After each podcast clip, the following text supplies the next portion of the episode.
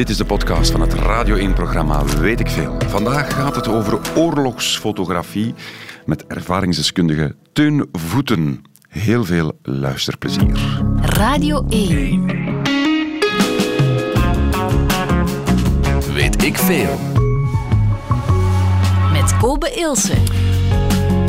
Heel goedemiddag, welkom bij Weet ik Veel. Het is u niet ontgaan ongetwijfeld. Het is oorlog in Oekraïne. En Teun Voeten, journalist, fotograaf, is bij ons. Want hij heeft... Hoe lang ben je terug uit Oekraïne, Teun? Uh, anderhalve maand nu. Anderhalve maand. Je bent oorlogsfotograaf. Ja. Je bent bezig met een boek.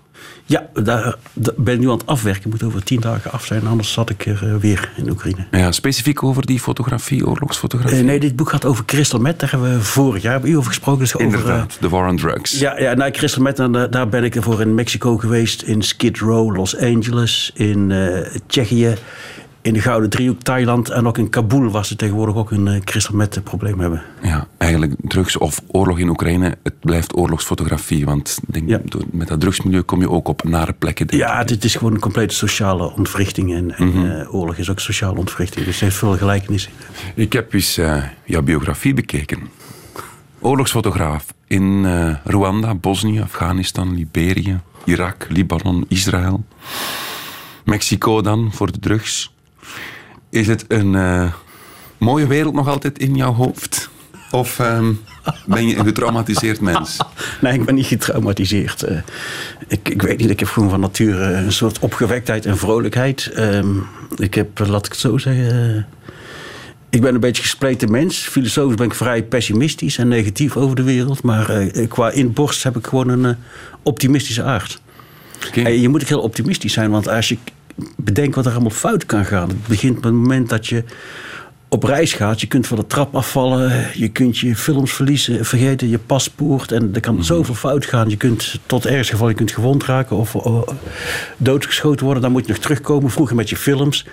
Dan moet je films ontwikkelen. En dan moet de fixeer in het potje met fixeer zitten. En niet in het potje met ontwikkelaar. Noem maar op. Dus als je een lijst maakt wat er fout kan gaan, zijn duizend dingen. Maar je moet vanuit gaan, oh, mij gebeurt niks. En iedereen vindt mij aardig en iedereen vindt mij lief. En ik heb altijd massa en ik fiets er overal doorheen. Dus je moet een soort rasoptimist zijn. Mm -hmm. Maar wel, denk ik, met ogen op je rug als je jouw job doet.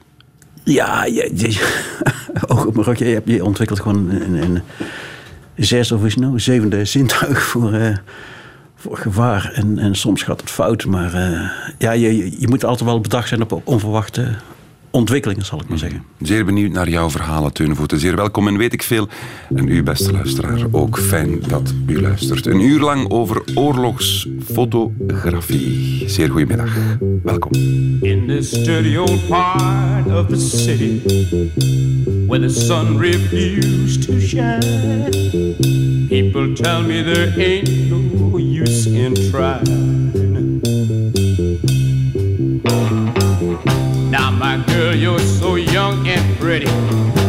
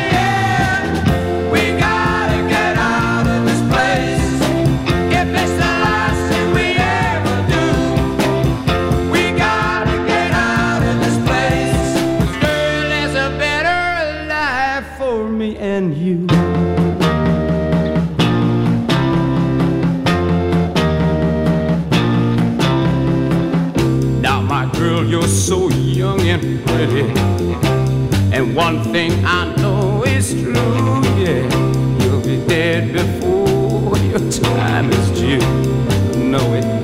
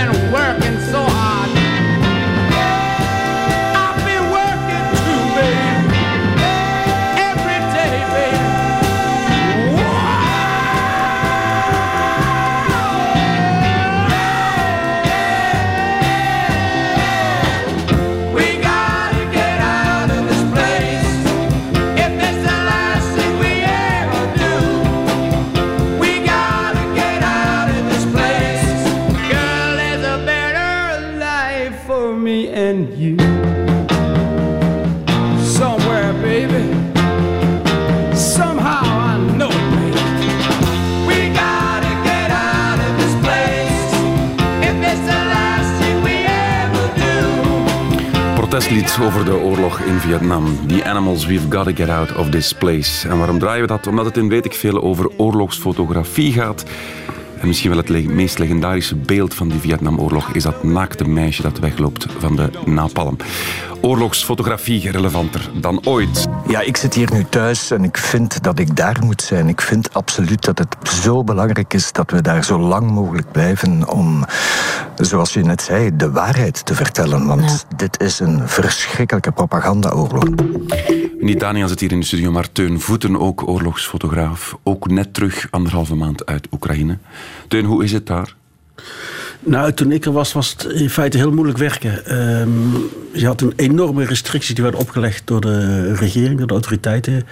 Je mocht als fotograaf bijna niks doen. Je mocht geen soldaten fotograferen. Je mocht niet eh, naar de frontlinie toe. Je mocht geen eh, militaire apparaten fotograferen. Eh, je mocht in feite niks doen wat interessant was voor een fotograaf. En eh, eh, mijn meeste collega's die ik daar tegenkwam, want iedereen die ik al ken van 30 jaar, die, die zat daar, die waren redelijk gefrustreerd. Eh, wat ik nu van hun zie, is, is er blijkbaar toch, toch iets meer vrijheid. Maar een eh, collega van mij, Robert Dulmer, die is het land uitgezet. Eh, die had een raketaanval gefotografeerd, of de, de, de rookwolken daarna, op, op Twitter gezet. En die is toen beschuldigd van spionage. En die is met een gun op zijn kop het land uitgeflikkerd, mag tien jaar niet meer terugkomen.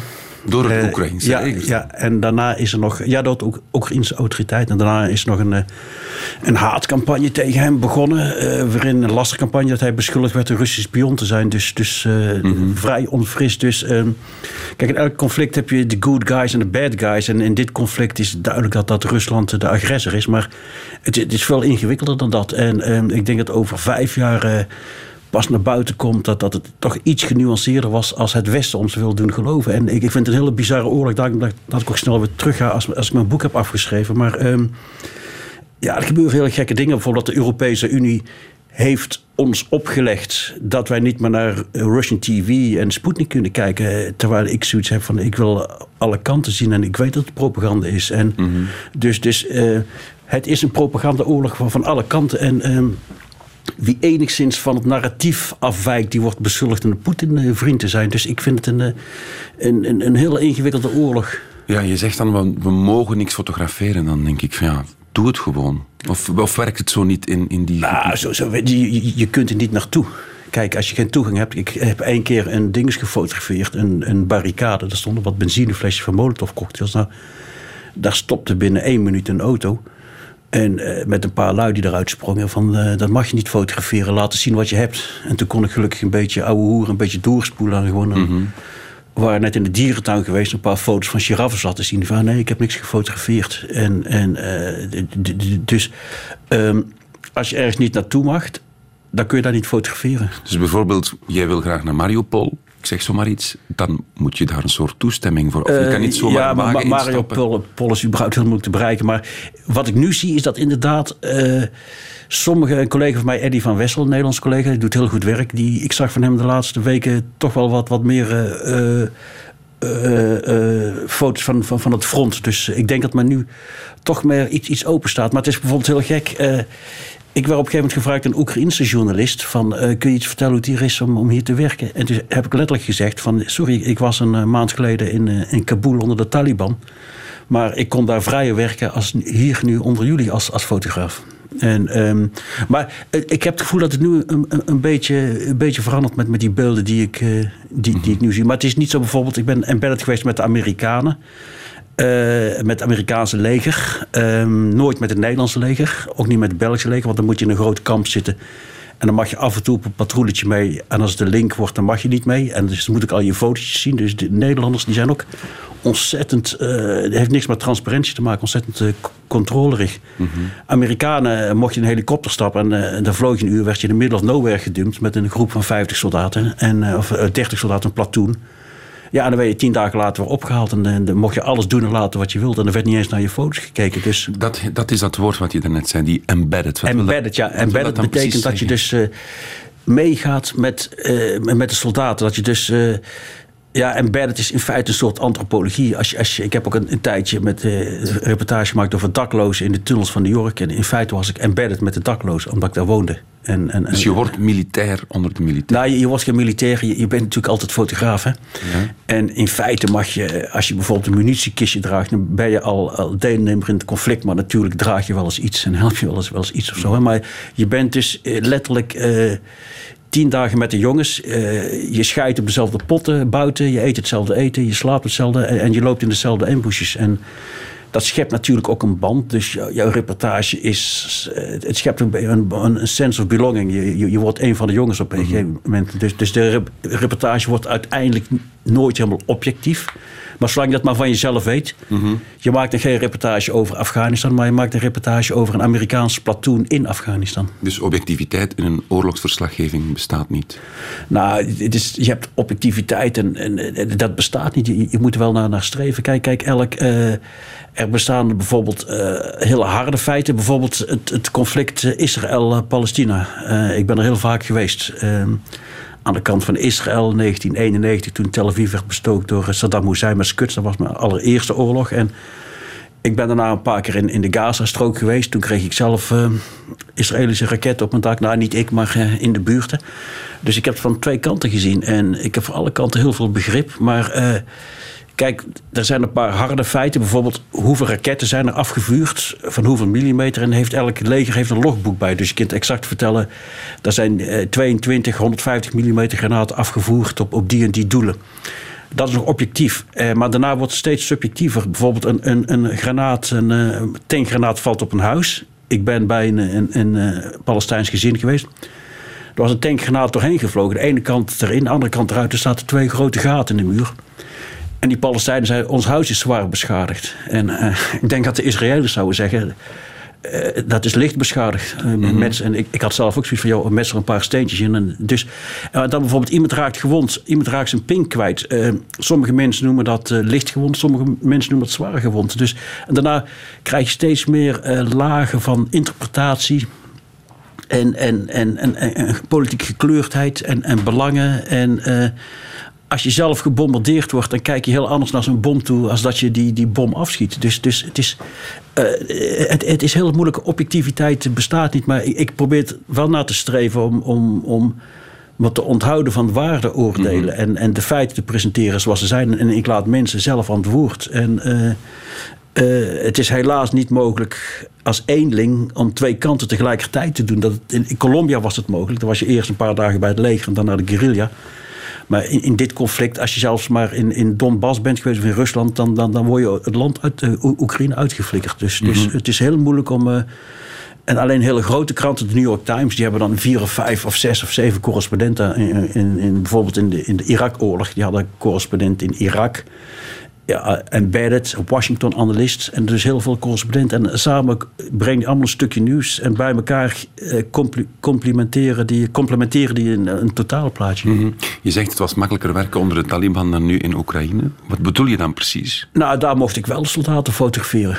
En daar eh, werd ik niet eh, om de haverklap...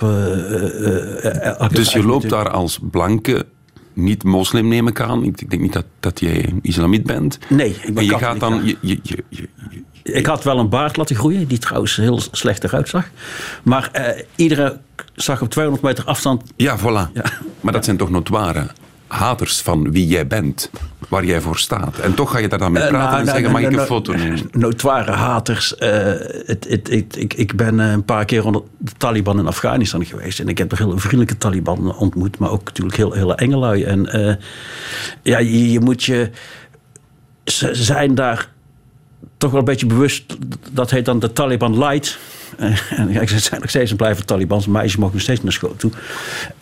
Maar ehm, ze zijn zich bewust van dat ze toch wel een iets beter imago moeten, moeten kweken. En, en, en, en dus vandaar dat ze redelijk welwillend zijn tegen journalisten. Je kunt vrij makkelijk een journalistenvisum aanvragen. En eh, dan moet je eventjes aanmelden bij het... eh, eh, buitenlands bureau, eh, eh, bureau Buitenlandse Zaken. En daar zijn ze heel vriendelijk. Dat zijn ook de oude mensen van de oude regering.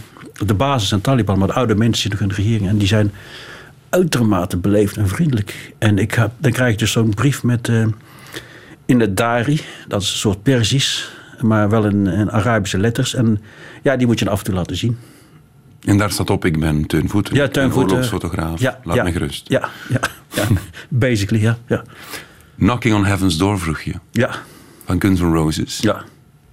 Je antwoordde dat op mijn vraag. Heb- Is er een nummer waar je een concrete herinnering aan hebt in het oorlogsgebied? En je vroeg dat nummer. Ja, dat was toen in 92 in Mostar. Toen ben ik eh, in mijn been geschoten door een sniper. Toen heb ik eh, vier, vijf dagen bij soldaten moeten zitten. En toen eh, genezen, één dag in het ziekenhuis, maar dan werd ik snel uitgesmeten omdat het een, lichte wond was. En toen kwam ik uiteindelijk weer terecht in het persbureau in een naburig stadje. En toen heeft die baas van het persbureau, die bracht me toen naar Rijeka of Dubrovnik, het stadje aan de kust waar ik de bus kon pakken. En hij draaide dit nummer keihard op zijn radio. En daar heb ik nog steeds, laat ik zeggen, sentimentele herinneringen aan, aan, dat, aan dat nummer. Fantoompijn van de kogel? Of niet meer? Dat, dat, dat- deed nauwelijks pijn. En af en toe, als, als, als het weer verandert, dan voel ik nog wel eens een gek steekje. Want er zitten nog een paar stukjes in. Maar de wonder, wonderlijk wel heeft het eh, geen eh, eh, botten of slagaders geraakt. Dus het, het was een hele lichte wond. Knocking on Heaven's Door. Aangevraagd door oorlogsfotograaf Teun Voeten in Weet ik Veel. Goedemiddag.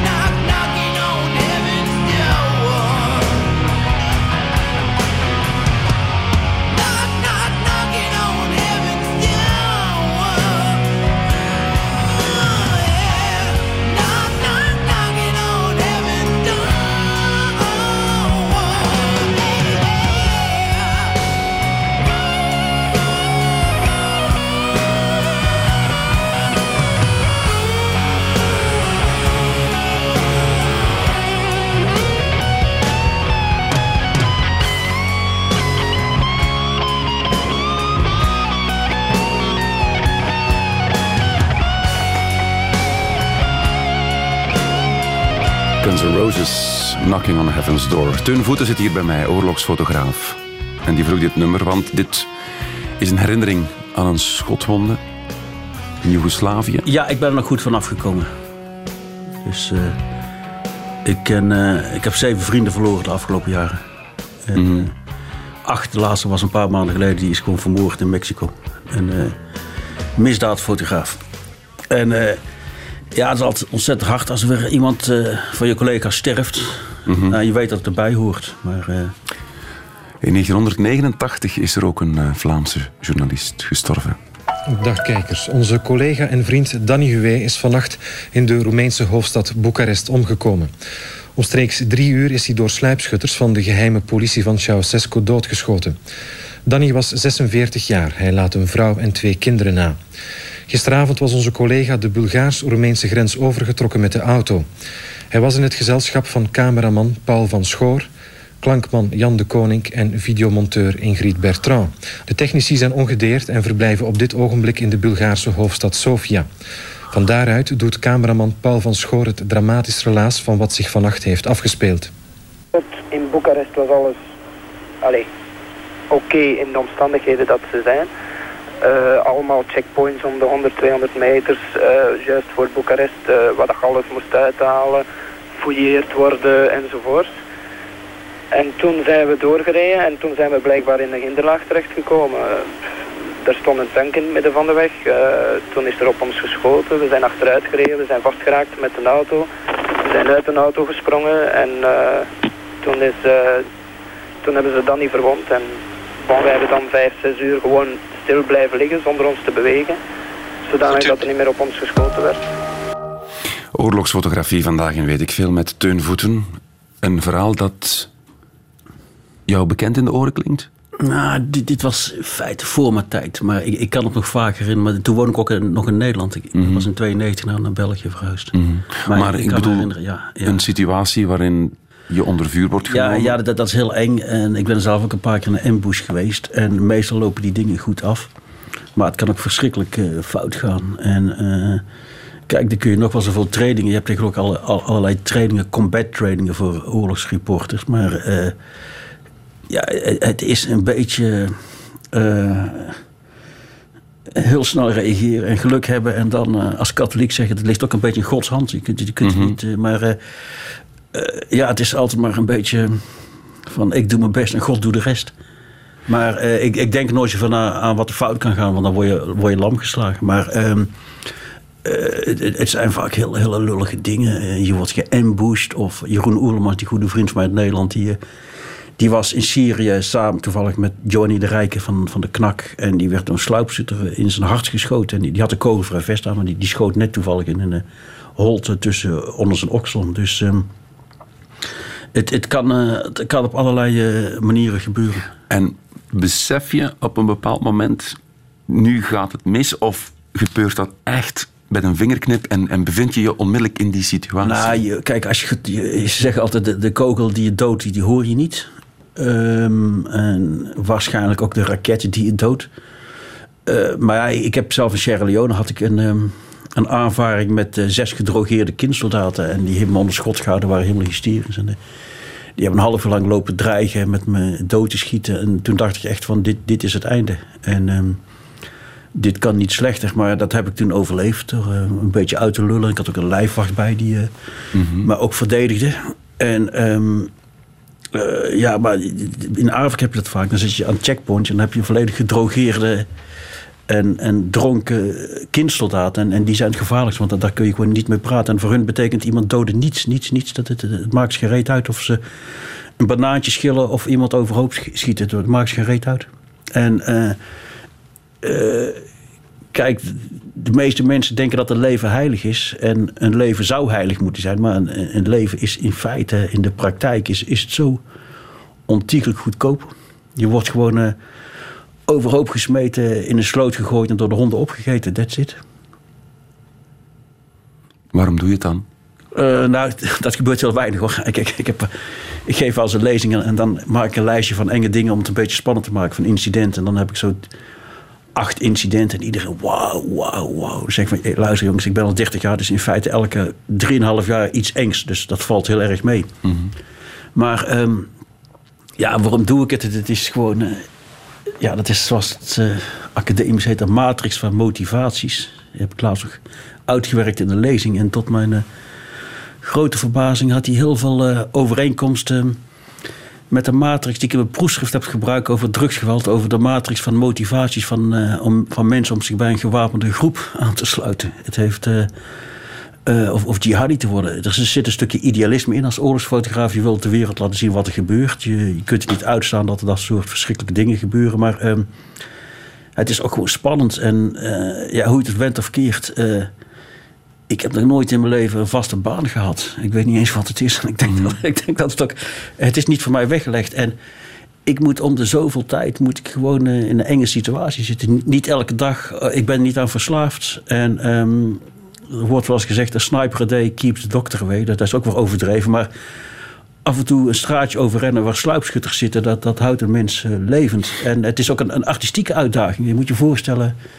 Een oorlog is een zo ingewikkeld sociaal, politiek, eh, psychologisch fenomeen. En, en dat probeer je dan vast te leggen in een moment op een tweedimensionale print. Het heeft ook een soort artistieke, artistieke uitdaging. En eh, ja, het is ook, je verzamelt ook bewijsmateriaal. Je, je verzamelt ruwe materiaal waar later historici en sociologen en antropologen mee, mee uit, uit de slag kunnen. Dus aan de slag kunnen. Dus ik vind het zeer zeker. En, en, en je ontneemt de, de heersende klas ook de smoes van wij wisten het niet. Dus, dus het is heel belangrijk om inderdaad getuige te zijn. Rudy Franks heeft ooit in een interview gezegd... Mijn zintuigen werken maar half als ik hier in België ben. Ja, dat is ook, zegt? Ja, ik snap, want dat, dat wordt ook, dat is de, aant- de oorlog heeft ook een hele grote aantrekkingskracht. Ik heb dat, eh, mijn collega journalist eh, Sebastian Junger schrijver, die schreef het, eh, het biedt de mensen de kans om nobel te zijn. En het, het, en Chris, Chris Hedges, New York Times, oorlogsverslaggever, die schreef ook een boek War is a Force that gives of meaning. Dat heb ik in mijn Mexico-studie uitvoerig besproken. En, en het normale leven is natuurlijk ontzettend, eh, vaak ontzettend saai en, en grijs. En terwijl oorlog, dat is een beetje hemelhoog uh, toen betroep. Het is eh, de diepe dalen en, en sterke emoties. Dus, Zit je nu eigenlijk met een adrenaline-junkie en macho te praten? Nou, ik ben geen adrenaline-junkie. Want kijk, het is helemaal niet leuk om beschoten te worden hoor. Maar ik zeg, dat is één deel van de motivatie. En het is niet zo dat je één. Er wordt vaak gedacht, oh, mensen hebben één motivatie. Maar ik, ik heb wel, wel, 20 of 30 verschillende motivaties om, om, om, om dit werk te doen. Waarvan geld verdienen helaas eh, er niet eentje meer van is. Want je kunt er geen droog brood meer in verdienen sinds een jaar of tien. Wat schuift dat? Een goede foto? Verkoop je beeld per beeld? Of word Nou, jij in je- opdracht je- van? je- je- ik werk altijd freelance en, en soms, ik, ik, ik bied meestal series aan. En, en eh, kijk, vroeger, eh, om eventjes, als we toch over verdienmodellen praten. Heel concreet vindt de, de luisteraar misschien ook interessant. Je moet ongeveer 2, 2.500 investeren aan reis en materiaal en verblijfskosten. En ik, ik reis meestal vrij zuinig. En dan eh, voor een reportage, vroeger kreeg je 1500 geplaatst voor een reportage. En als je dan vijf keer, vier keer in binnen- en buitenland plaatst, dan, dan maak je een mooie winst. Maar nu als je drie keer plaatst en je krijgt 500 euro, dan, dan dit is, het, het is echt, echt. eh, er worden soms foto's door mijn persbureau geplaatst en dan moet je niet lachen online. Dan krijgt het persbureau eh, 33 cent voor. En ik krijg dan de helft, eh, dat rollen ze dan ook nog naar, naar beneden af, 16 cent. En dan plaatsen ze foto's uit oorlogsgebieden. 16 cent 16 voor een foto waar ja. je je leven eigenlijk voor riskeert. Ja, ja dat is tegenwoordig. eh, en eh, je ziet tegenwoordig. Kijk, ik, ik ben niet een van de beste fotografen. Ik, laat ik zeggen, ik zit in de top.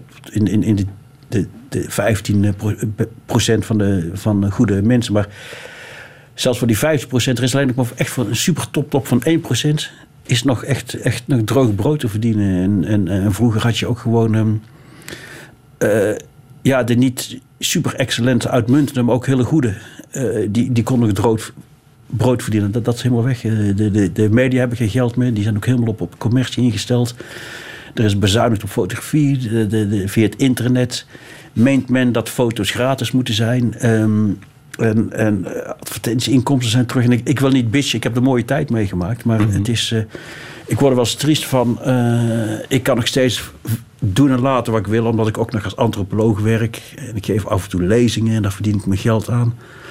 En, maar als je nu eh, 25 bent en je wilt oorlogsfotograaf worden. En ik heb vaak van de jongens en die meiden die komen naar mij toe. En ik zeg echt van, nou, dit is, zorg dat je ook een, een vak erbij leert. En wat je nooit moet doen is naar een fotoacademie doen. Zorg dat je gewoon eh, een studie doet.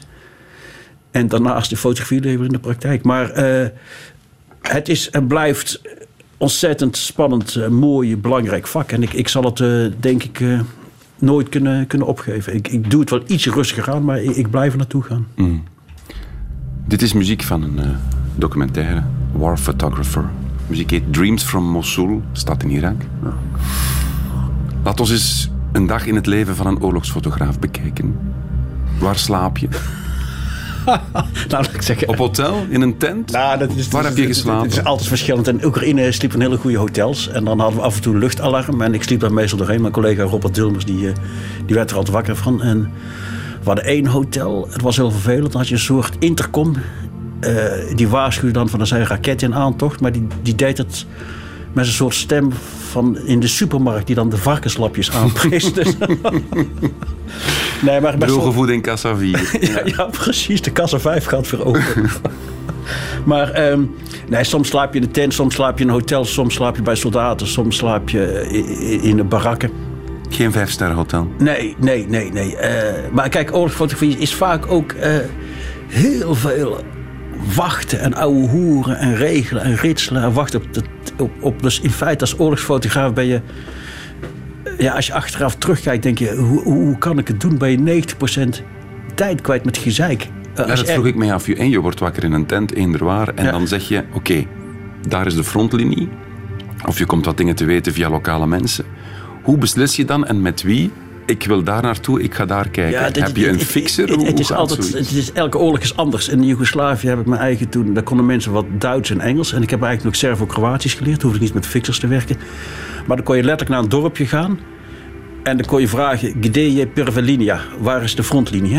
En dan, ja, dus da- daar, daar. Hè? Eh, en en dan, dan ging ik daar naartoe en dan praat je met de commandant. Zeg je van, eh ehm eh, Jezam Novinar Iznizemska. Ik ben een Nederlandse fotograaf en... eh, ik wil hier fotograferen. Ja, prima. En zo ging dat vroeger in, in, aan het begin van de oorlog in, in Kroatië. Maar sommige oorlogen zijn ontzettend geregeld. Bijvoorbeeld in, in Irak, daar kon je niet even makkelijk naar, naar Mosul toe. Dan moest je dus echt eh, een fixer zoeken. En die fixers zijn dan lokale jongens. Die dat een eh, vaak hele dappere, maar ook sommige... Ja, die ruiken geld en die vragen dan 300 of 400 per dag dollar. En leg je jouw leven in hun handen dan op zo'n moment? Ja, op zo'n moment, want, want hun weten wel, wel wa- waar je door welk checkpoint moet. En, en, die kunnen daarmee ouwe hoeren.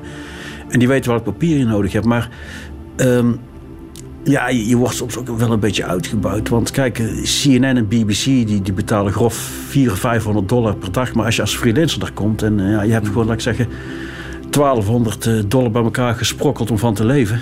Ja, dan is het in feite drie dagen fotograferen. En dan team je op met een paar andere fotografen. Dat je een beetje shared.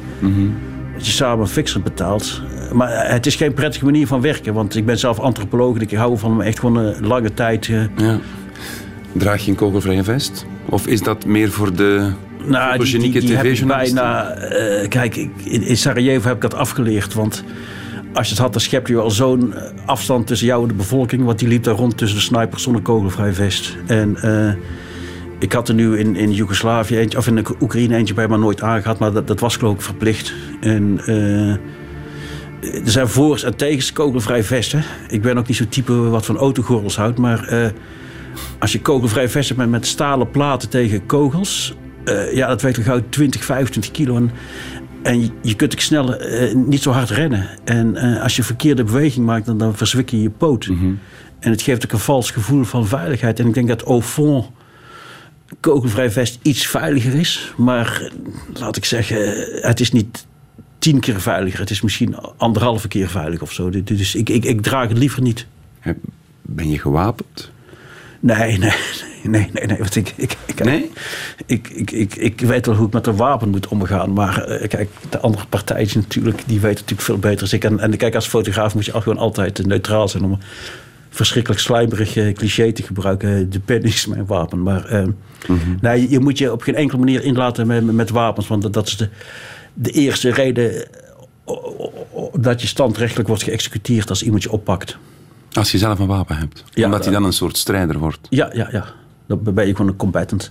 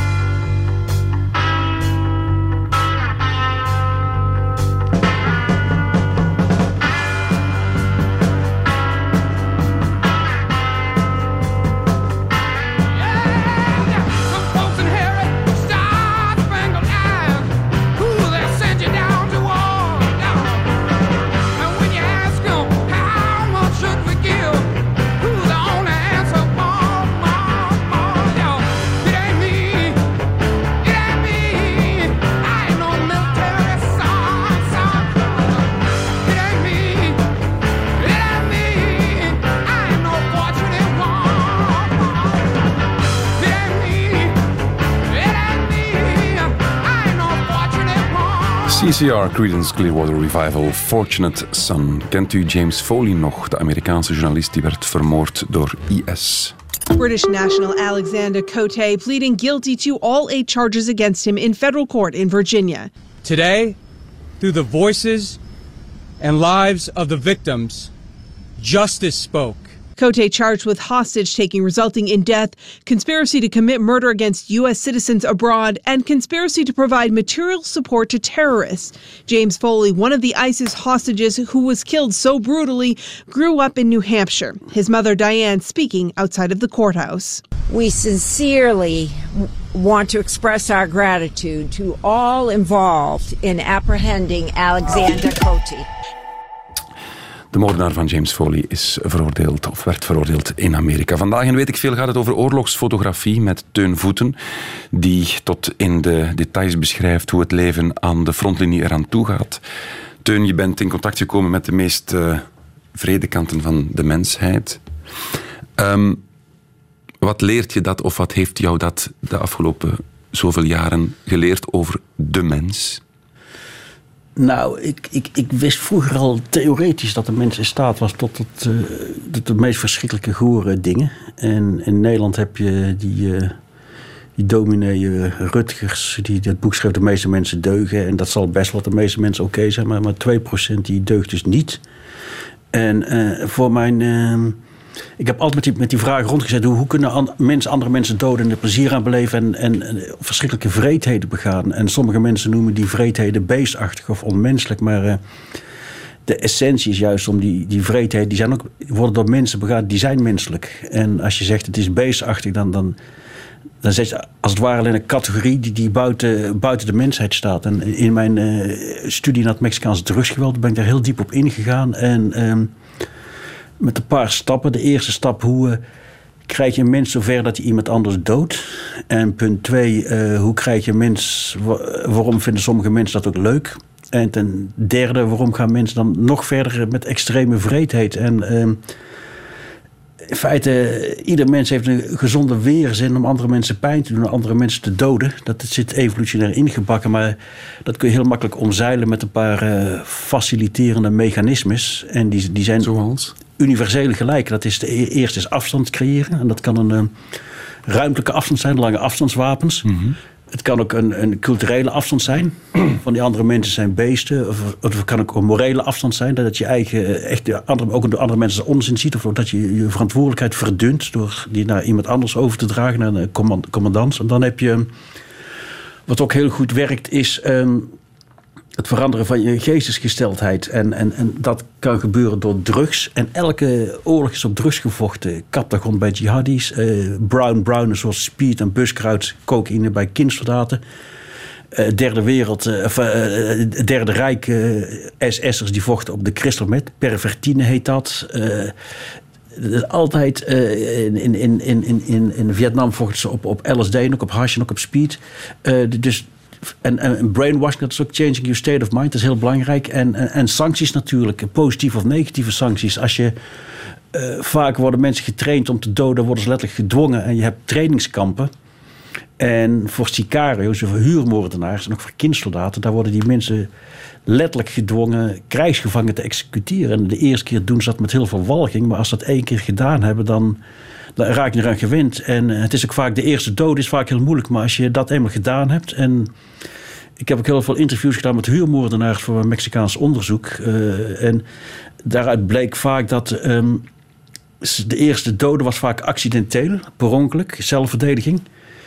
En daarna heeft iemand een dubbel gevoel. Aan de ene kant voelt hij zich schuldig als katholiek dat hij een mens het leven heeft ontnomen, een grote zonde. Maar aan de andere kant heeft hij ook een vorm van triomf, een, een vorm van onoverwinnelijkheid en onsterfelijkheid. En, en dat gevoel gaat dan op een gegeven moment overheersen. En sommige mensen willen dat, dat gevoel altijd weer, weer terugkrijgen. En um, dus die trainingsmechanismen, die heb je ook, ook, bij, uh, ook bij gewone soldaten. Want dan moet je, moet je ook leren hoe, hoe steek je met een bajonet uh, de mof dood. Mm -hmm. En dat, dat, is ook hetzelfde. Echt gewoon uh, brainwashing, peer pressure. En, en dan en de andere als, als, als, als kraut zien, als mof, als, of als kakkerlak in het geval van de hoedjes en de toetsies. Of, of als ongedierte in het geval van de joden. En... Um, Ja, en dan, dan heb je extreme vreedheid. En eh, ik heb een interessant boek over gelezen van een psycholoog, eh, Roy Bouwman. En eh, die zei van de roots of evil. En een hele belangrijke wortel is, is ehm, instrumenteel om iets, iets, iets te, te pakken te krijgen. Maar dat, dat is niet zo belangrijk. Als, als je iemand wilt beroven, dan hoef je hem niet helemaal dood te maken. Als je zijn portemonnee hebt, heb je al genoeg. Maar zelfesteem, emoties is heel belangrijk. Mensen die een laag zelfbeeld hebben, eh, die gekwetst zijn, die worden razend, die kunnen razend worden. En, en dat geldt niet alleen voor individuen, maar ook voor naties en staten. En je ziet bijvoorbeeld nu, dat is nu zo gevaarlijk in, in, het Oekraïne-conflict. Eh, Rusland die is aan de verliezende kant. ehm, die voelt zich in het nauw gedreven, die, die voelt zich niet gerespecteerd. En, en dan ga je, gaat de kat in het nauw, gaat, gekke sprongen maken. En ehm, ander, wat ook heel, waardoor mensen de meest vrede dingen kunnen doen, zijn, zijn eh, ideologie en utopische idealen. En onder utopische idealen, dat is communisme, het nazisme of jihadisme. En bijvoorbeeld eh, communisme, om één voorbeeld te noemen. Een klasloze maatschappij waar heel de wereld 5 miljard mensen gelukkig zijn. Nou, als je dan 100 miljoen mensen voor moet op, opofferen, nou, dat, dat is een, eh, een, goede, een goede deal. Je bent oorlogsfotograaf. Is er al een moment geweest dat je zegt: dit, hier neem ik geen beeld van. Dit is te. Hier, hier stopt het voor mij. Hier, hier, duw, hier duw ik niet op, op mijn knop. Nou, dan zal ik heel, heel simpel antwoorden. Er gaat geen moment te ver. Ik druk altijd op een knop. Maar dan mag, kun je nog de beslissing nemen: dit ga ik wel of niet eh, publiceren. En- Dus je hebt in je archief foto's die je nooit zal publiceren. Nee, nee maar die, die zijn gewoon te walgelijk, te smerig. En, en eh, dat, dat, dat, dat schiet ook zijn doel voorbij. Maar die heb ik gewoon geschoten als een soort forensisch, forensic evidence, forensisch bewijs. Wat, wat mensen kunnen doen. En misschien wordt het ooit gebruikt in een rechtszaak. Heb je ooit de keuze gemaakt tussen een foto nemen of iemand helpen? Eh, ik heb nog nooit in die moeilijke omstandigheden... dat iemand voor mijn ogen vermoord werd en dat ik hem kon helpen. Dat lijkt me heel moeilijk. Wat Wel- zou je doen, denk je?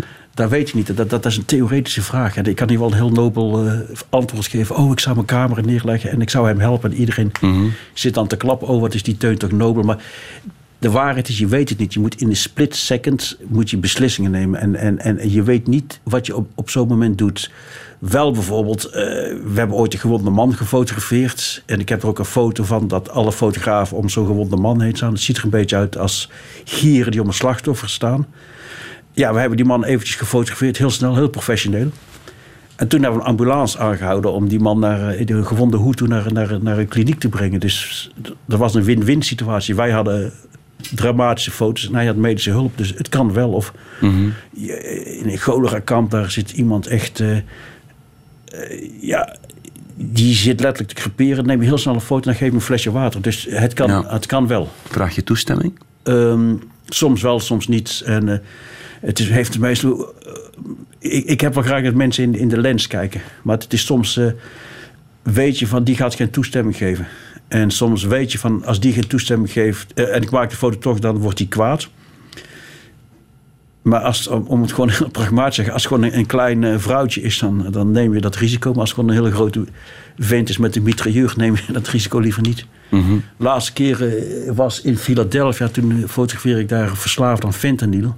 Verschrikkelijke drug. Eh, dat is volledig. ehm, ja, en mensen sterven daar een overdosis tien per dag op het centrum Philadelphia. En toen nam ik een foto van iemand die dat niet leuk vond en die eh, bedreigde me toen met een spuit vol met bloed en eh fentanyl. Dat vond ik wel heel, heel eng.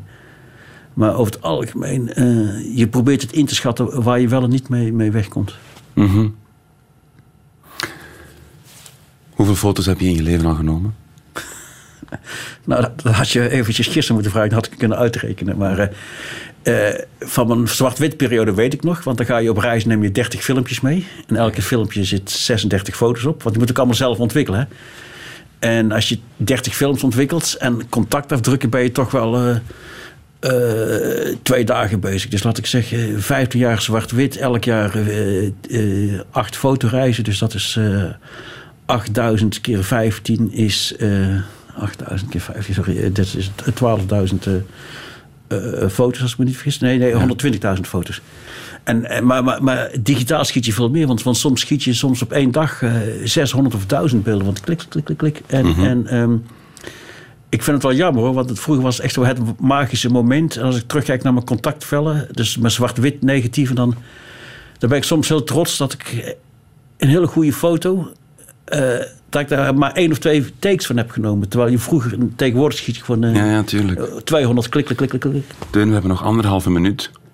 Als, je, als ik nu... En gewoon het eerste wat in je opkomt, wat is jouw sterkste foto die je ooit genomen hebt?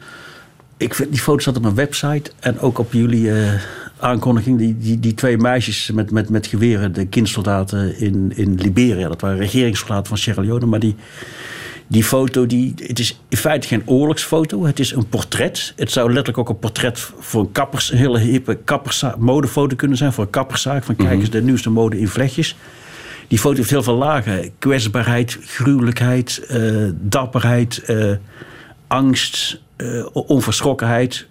En, en ook die, die, die compleet. Er zat nog een gekke Coca-Cola reclame op. En een t-shirtje van London School of Economics. Met een saxofoontje erop. Dus het is een, een foto. Maar die meisjes die kijken ook zo indringend in de camera. Dat vind ik een van mijn eh, beste oorlogsfoto's die, ik, eh, die ik heb gemaakt. Nog 30 seconden om af te ronden, Teun. Wanneer ga je terug naar Oekraïne? Is dat de volgende reis terug? Eh, ik moet mijn boek afschrijven. Eh, maar deadline is over. ja, deadline, een beetje een ongelukkig woord, maar deadline is over tien dagen. En dan moet ik nog wat dingen afronden. Dan ga ik weer, weer eens kijken wat er, wat er, hoe, het, hoe het daar is. Heel kort nog. Heb je daar een naargevoel bij, bij die oorlog? Ja, ik heb er een heel naar gevoel bij. Dit loopt volledig, het gaat volledig uit de hand lopen. En er wordt, dit is een oorlog met alleen maar verliezers. Oekraïne, eh, het Westen en Rusland. Teun Voeten, wees voorzichtig, dank u wel. Radio 1. Weet ik veel? Dit is het einde van deze podcast van Weet ik Veel. Weet ik Veel is trouwens een programma van Radio 1. Op radio1.be vindt u nog veel meer.